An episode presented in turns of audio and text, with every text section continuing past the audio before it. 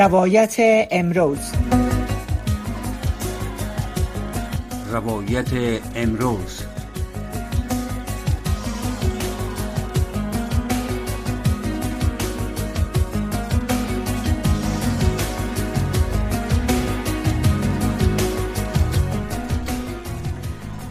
شنونده های محترم سلام. وقت شما بخیر. رویا زمانی هستم با تقدیم برنامه روایت امروز از امواج رادیو آشنا صدای امریکا به امید صحت و سلامتی شما برنامه ای ساعت آغاز می کنم 18 ماه از تسلط دوباره طالبان در افغانستان میگذرد و هنوز حکومت گروه بر رسمی شناخته نشده است. در این مدت محدودیت ها بر زنان روز به روز سخت گزارش شده است. ممنوعیت کار حق تحصیل رفتن بدون محرم مسدودی های همام ها منع رفتن زنان از پارک ها و سایر محدودیت های سخت گیرانه علیه زنان در این مدت سرخط داغ خبرهای جهان بود. خب زنان هم علیه ای اقدامات طالبان در افغانستان آرام نبودند و آنان با راه اندازی اعتراضات و ایجاد جنبش ها و گرد همایی ها و اعتراضات خواستند تا صدای خود را بر علیه ای محدودیت ها و سرکوب سرکوبی طالبا اونا آواز خود بلند کردن و شمار زنا هم در افغانستان جنبش ها و حرکت هایی را در این مدت ایجاد کردن و تا اونا بتانن از این طریق از گرد همایی ها و اعتراضات صدای خود بلند کنن و محدودیت هایی که علیه اونا اعمال شده به جامعه جهانی و به حاکمانی که در داخل افغانستان امروز حاکم هستند برسانند. خب ما در برنامه امشب دو تن از بنیانگذارای ای جنبش ها را دعوت کردیم و روی ایجاد ای جنبش ها و همچنان تاثیرگذاری از این جنبش ها و حرکات زنان و اعتراضات زنان و فعالیت های اونا ما صحبت های می‌کنیم. خب و ای که چقدر جنبش زنان ایجاد و راه اندازی همچون جنبش ها در زمان تسلط طالبان توانسته که به اهداف را که اونا داشتن برسن. خب در برنامه امشب مونسه مبارز بنیانگذار جنبش اصلی زنان مقتدر افغانستان مهمان برنامه است و همچنان مریم آروین مؤسس جنبش شنبه های ارغوانی را کوشش می‌کنیم که با خود در برنامه داشته باشیم. می‌بینیم که خب تا حال خانم آروین روی خط برنامه داریم. خانم آروین سلام بر شما وقتتان بخیر. خوش آمدین به برنامه. سلامت باشین بانی زمانی نازنین وقت شما هم خب تلاش می‌کنیم که خانم مبارزه هم روی خط برنامه داشته باشیم. خانم آروین با شما برنامه را آغاز می‌کنیم. در 18 ماه گذشته که از تسلط طالبان مگذره جنبش های زنان در افغانستان علیه محدودیت ها و ممنوعیت هایی که علیه زنان در افغانستان از سوی طالبان گزارش می‌شد. در حالی که اونا بار بار همچو اقدامات سختگیرانه و محدودیت ها را علیه زنان اونا رد می‌کنن گفتنی شما چی است؟ وضعیت زنان در 18 ماه گذشته چگونه بررسی می‌کنین؟ و ای که ایجاد جنبش ها چقدر تانست که موثر واقع شود در بلند کردن صدای زنان. به نام خدای حق عدالت و آزادی سلام دوباره به شما. همه این شنونده های بسیار خوب شما به خصوص دختران مبارز و شجاع افغانستان که امروز تنها اصلهیشان برای مبارزه منطقشان آگاهیشان سوادشان و ظرفیتشان هست. و دختران و زنان افغانستان که همواره تلاش کردن حداقل از سهمشان را برای خدمت و برای ادای مسئولیتشان برای مردمشان برای کشورشان ادا بکنن. در ادوار متفاوت تاریخ شما می‌دانید که متاسفانه مورد سرکوب قرار گرفتن. اما بدترین نوعی سرکوب در تاریخ بیشتر از یک ساله حاکمیت سیاه طالبانی که دوباره در افغانستان حاکم شد ما داشتیم متاسفانه طوری که شما می‌دونید که حتی زنان و دختران افغانستان حق ندارند برن دانشگاه حق ندارند برن مکتب. که ابتدایی ترین و اساسی ترین حقوق بنیادی در شکل گرفته به این مبنا وضعیت زنان افغانستان در ابعاد متفاوت اگر به شکل کلی مورد بررسی قرار بگیره متاسفانه تاثیرگذار است اساسناک است و با گذشت هر روز به جای بهتر شدن در حال وخامت بیشتر است. و اما در قسمت نقش جنبش های شکل گرفته در امر مبارزه با آنچه که طالب در برابر زنان افغانستان با دیدگاه های زن انجام میده باید یادآور شویم که بدون شک یک نقش تاثیرگذار در طالب داشته باشد. مدت به این طرف از آدرس جنبش شنبه های ارغوانی که پس از حاکمیت طالبان در افغانستان شکل گرفت روی گزارش کار کردیم که نقش جنبش های شکل گرفته پس از حاکمیت طالبان را برای زنان یا هم در گذشته شکل گرفته بودن پس از حاکمیت طالبان بیشتر فعال شده. روی از کار کردیم. بیشتر از هشت یا نه جنبش که شکل گرفته و خوشبختانه فعالانه کار می‌کنن اینا تانستن تاثیرات مثبت داشته باشن و اعتراضاتشان از جمله جنبش شنبه های ارغوانی که به شما یادآور شدم از خیابان های افغانستان آغاز شده تا برگزاری هشتک ها تا کاردارها در صفات اجتماعی تا برگزاری اعتراضات در مکان های بسته. چون اعتراضات را که شما به این اواخر می‌بینید که کار می‌کنیم از آدرس جنبش شنبه های ارغوانی در عنوان انتجام ملی علیه طالبان تنها راه نجات افغانستان است. به این لحاظ با در نظر داشت شرایط فیلی باید یادآور شدم که به عنوان شهروند افغانستان نقش جنبش ها مثبت است. ولی اگر ریش کار بیشتر صورت نگیرد و اگر ما ریش تمرکز بیشتر نداشته باشیم و در یک نقطه اگر ما نتونیم متوسل شویم یعنی اگر نتونیم ما به معنای واقعی یک انتجام واقعی را در میان جنبش هایی که در افغانستان شکل گرفته به وجود بیاریم باز خیلی تمنا نمیشه داشته باشیم که نام می‌تونن هر کدامشان در مجموع یک ساختار یا یک نام بتانن فعالیت بکنن و بیشتر مسمر واقعیشان در زنای افغانستان. بسیار خوب. خانم آروین شما از کارهای بیشتر روی ای جنبش ها یادآور شدین. اینجا هدف شما از کارهای بیشتر چی است؟ انسجام اما هنگی کار با, با یک جا چی مقصدتان است؟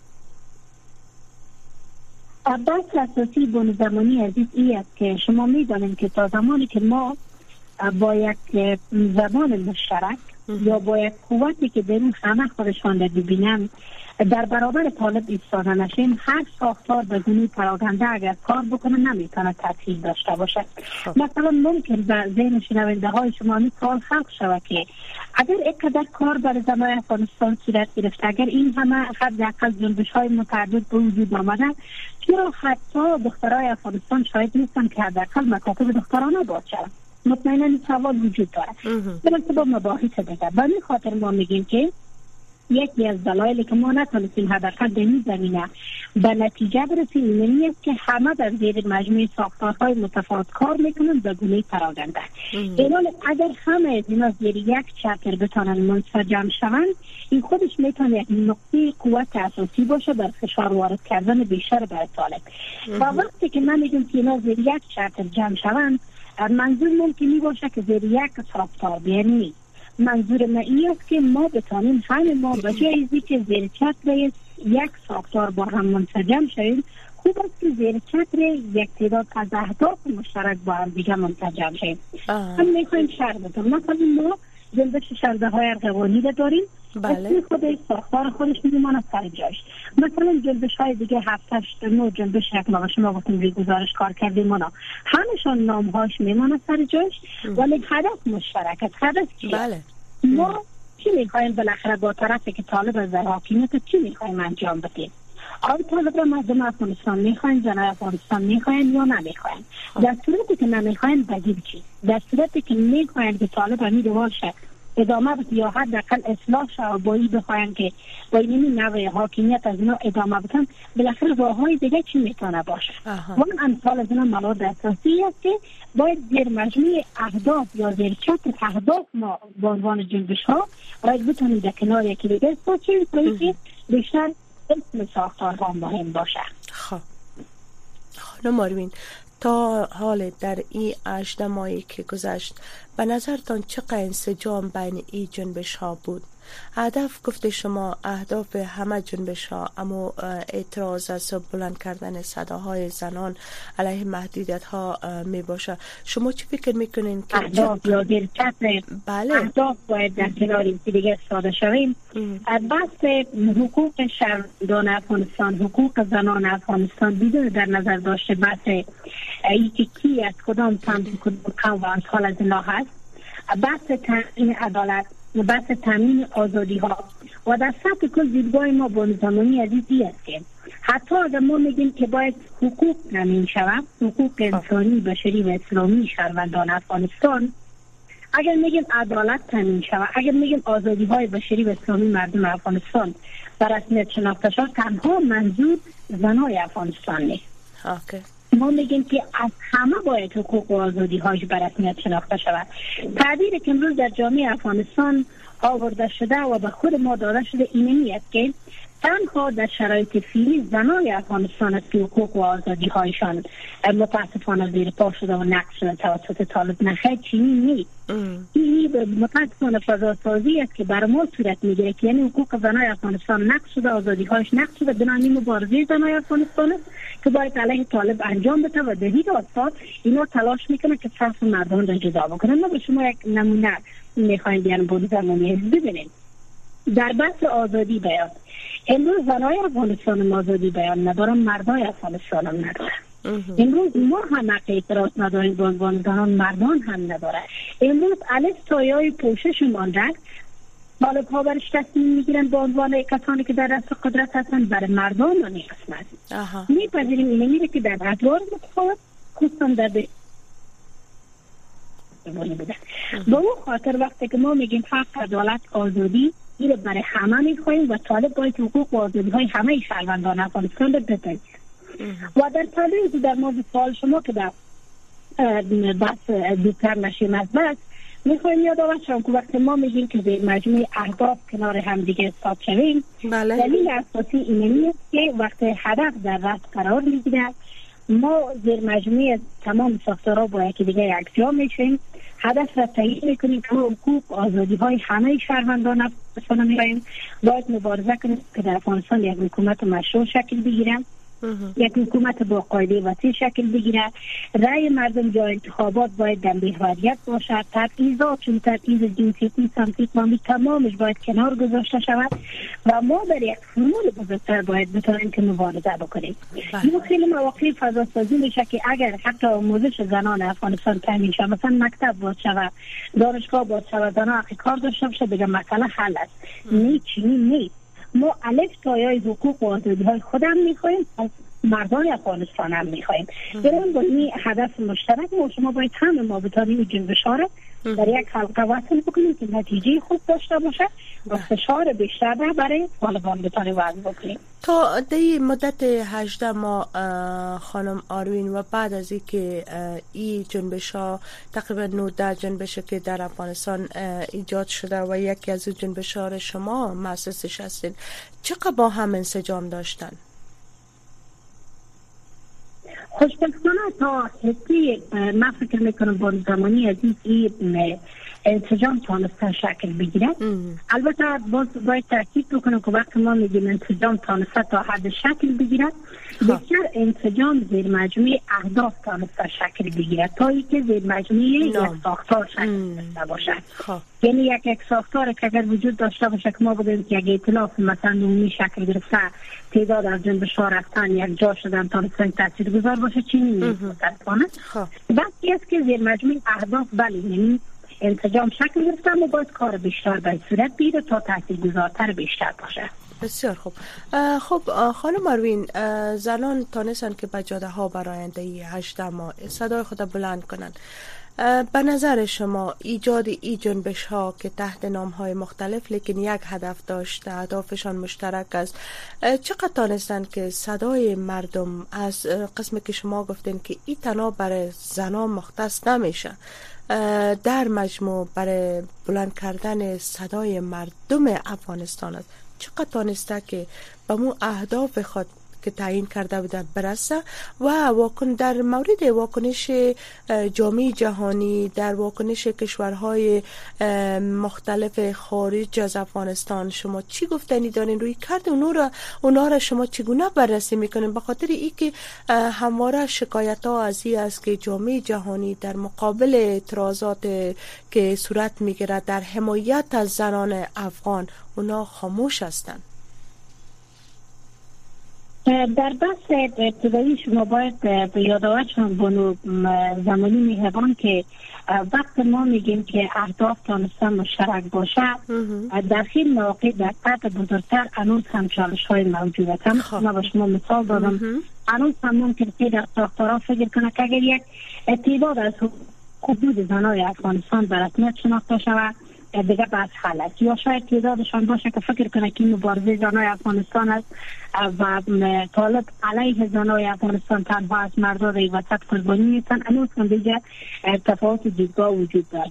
ولی آنچه که ما به شما نقل قبل کردیم که ما باید فراتر از اینا بتانیم در یک بحث یک کلان بزرگ ملی بتانیم مبارزه بکنیم. این دیدگاه جنبش شنبه های اولی که چقدر می‌تونیم به این متوسل شاید دوستای دیگر هم قناعت بکنیم ما فکر کنم که زمان نیاز دارد و اگر شما در طول 20 سال گذشتم دقت کرده باشین یکی از خلاهایی که متاسفانه وضعیت زنای افغانستان چنین است این بود که ما حتی در این 20 سال گذشته نتانستیم یک انسجام واقعی در یا یک آدرس مشخص تاثیرگذار بر زنای افغانستان شکل بدیم و می خاطر بود که هم در مباحث یا گفتگوهای به نام صلح افغانستان زنای افغانستان نادیده گرفته شد هم مورد قربانی واقع شدند و هم وضعیت چنین اتفاق افتاده.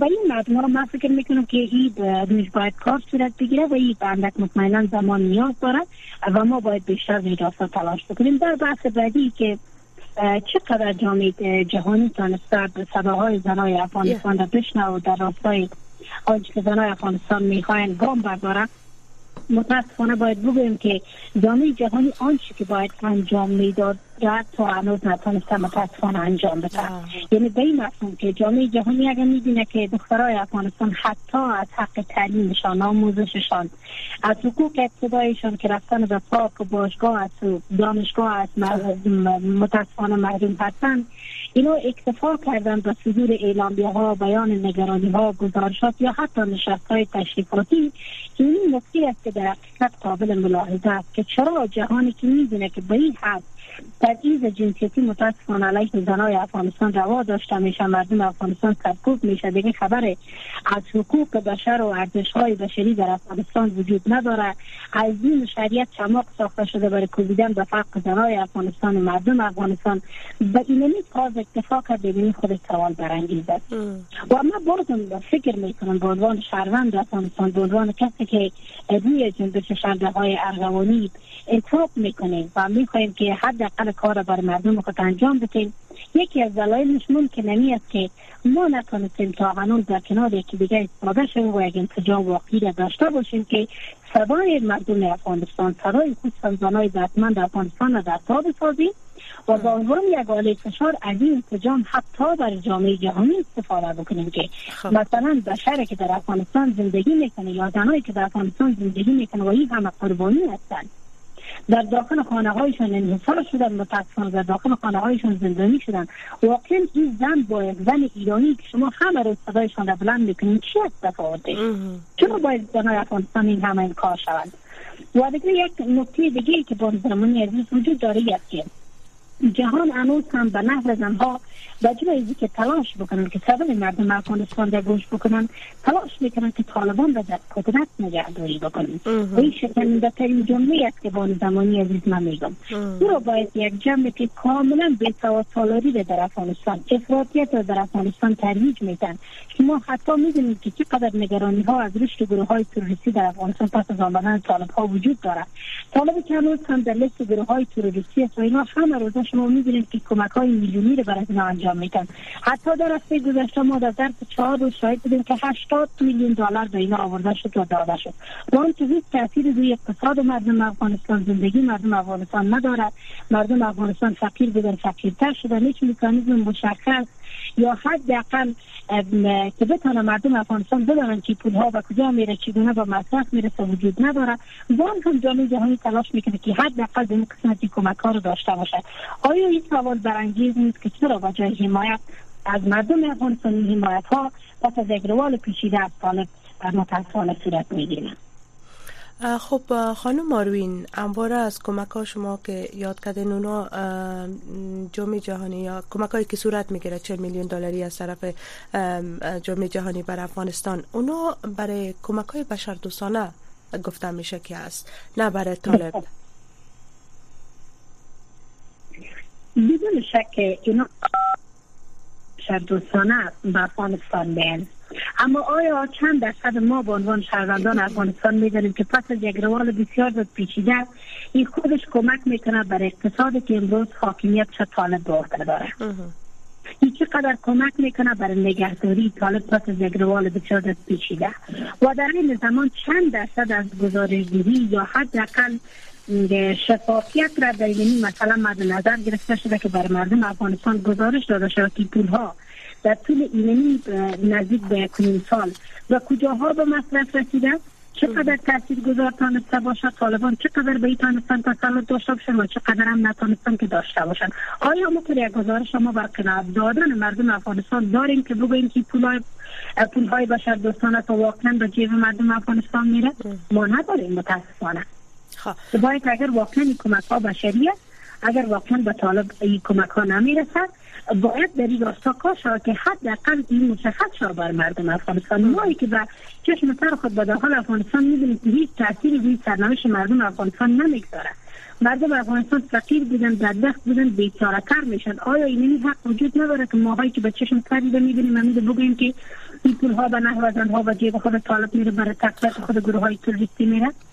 بانو آروین اگر بر بگردیم پس برای خود روی ایجاد جنبش های زنان در افغانستان صحبت ها کنیم. شما یادآور شدن که این جنبش ها تنها نه تنها برای بلند کردن صدا و اعتراض علیه محدودیت هایی که بر زنان در افغانستان وضع شده بر مردان است.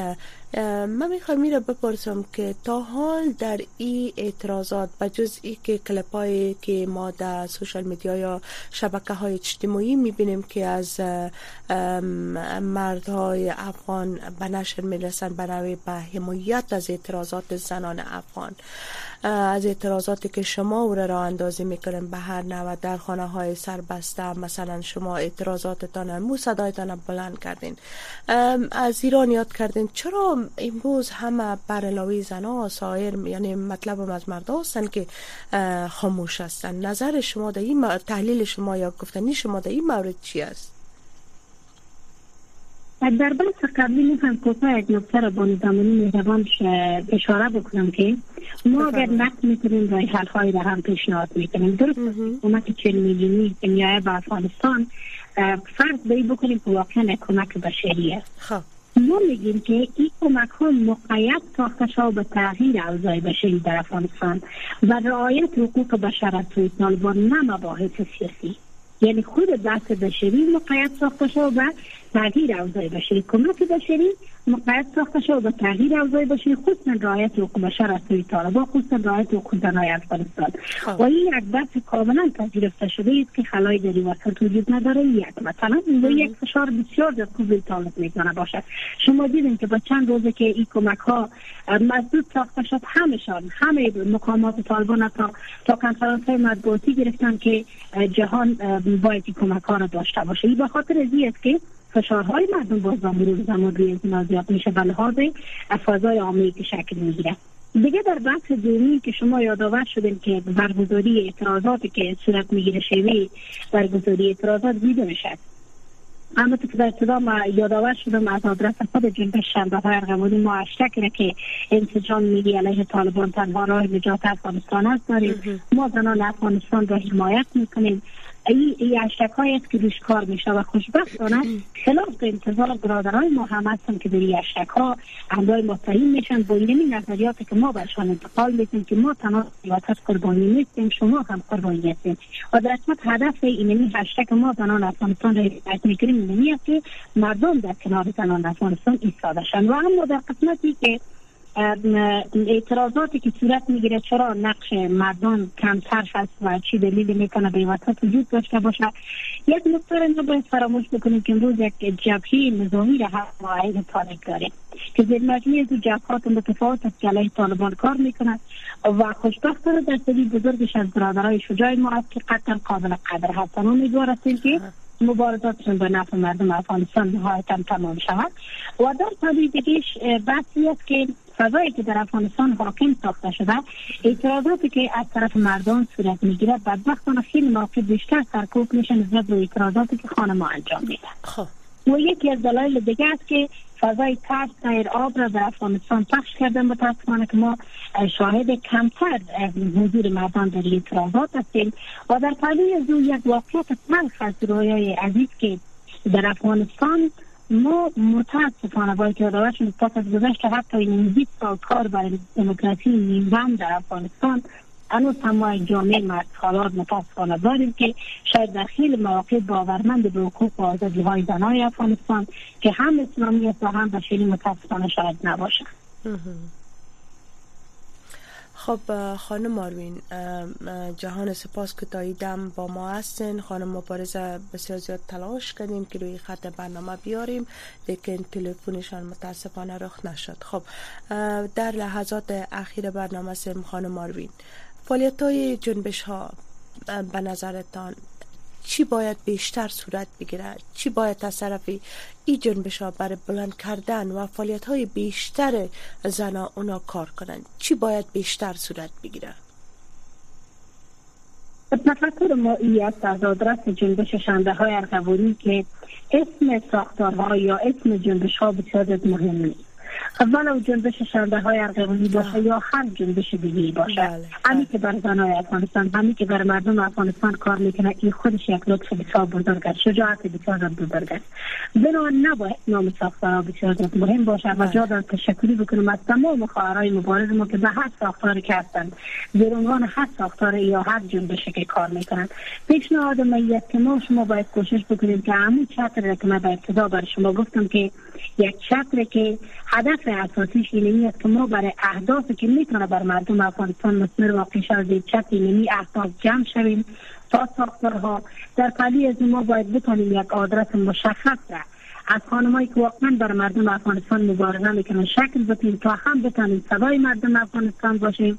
صدای زنای مظلوم افغانستان باشه و هم دست یک تعداد از پروژه بگیرایی را که امروز شما می‌بینید که استیج ها برشان داده میشه اینا را ما باید بتانیم کوتاه بسازیم. اینا در هم با سرنوشت مردم افغانستان بازی کردن امروز متاسفانه بازی می‌کنن در پلی از ما از جامعه جهانی می‌خواهیم که دیگر کسایی که در گذشته امتحان خودشان را دادن اگر واقعا در کنار مردم افغانستان نباید روی از حساب بکنن باید در جوانای افغانستان بیشتر فرصت بدن. که در کنار مردم افغانستان هستند و بیت مردمی دارن دیگه در قبلی از از مردم افغانستان انتظار داریم که قبل از اینکه ما به جامعه جهانی مراجعه بکنیم قبل از اینکه به کشورهای همسایه مراجعه بکنیم یک بار ما باید به خود ما دقت بکنیم که نمی ما به عنوان مالک نمی خاک مالک نمی سرزمین به نام افغانستان چقدر ما مسئولیت در برابری خاک خود در برابر مردم خود در برابر فرزند و اولاد خواهر و برادر خود داریم. چرا ما باید همیشه خودش کشور ما رو خارجی ها بسازن نان بر ما خارجی ها بتن روز اخیرم باید با خارجی ها را نقد کنیم. اگر ما خود ما ریپلای خود استاده شویم و کار عمل نباید دست خود بگیریم. ما فکر می‌کنیم بیشتر می‌تونه کمک بکنه سازنده باشه تا اینکه ما از دیگران توقع داشته باشیم. جهان سپاس خانم مریم معروف آروین مسیس جنبش شنبه های ارغوانی از وقتتان که شما به برنامه آمدین. جهان سپاس مفقیت های بیشتر بر شما می‌خوایم. تشکر. شنونده های محترمی بود برنامه روایت امروز از امواج رادیو آشنا صدای امریکا که تقدیم شما شد. برنامه های رادیو آشنا صدای امریکا همچنان ادامه دارد. جهان سپاس از که شما شنونده برنامه های ما هستید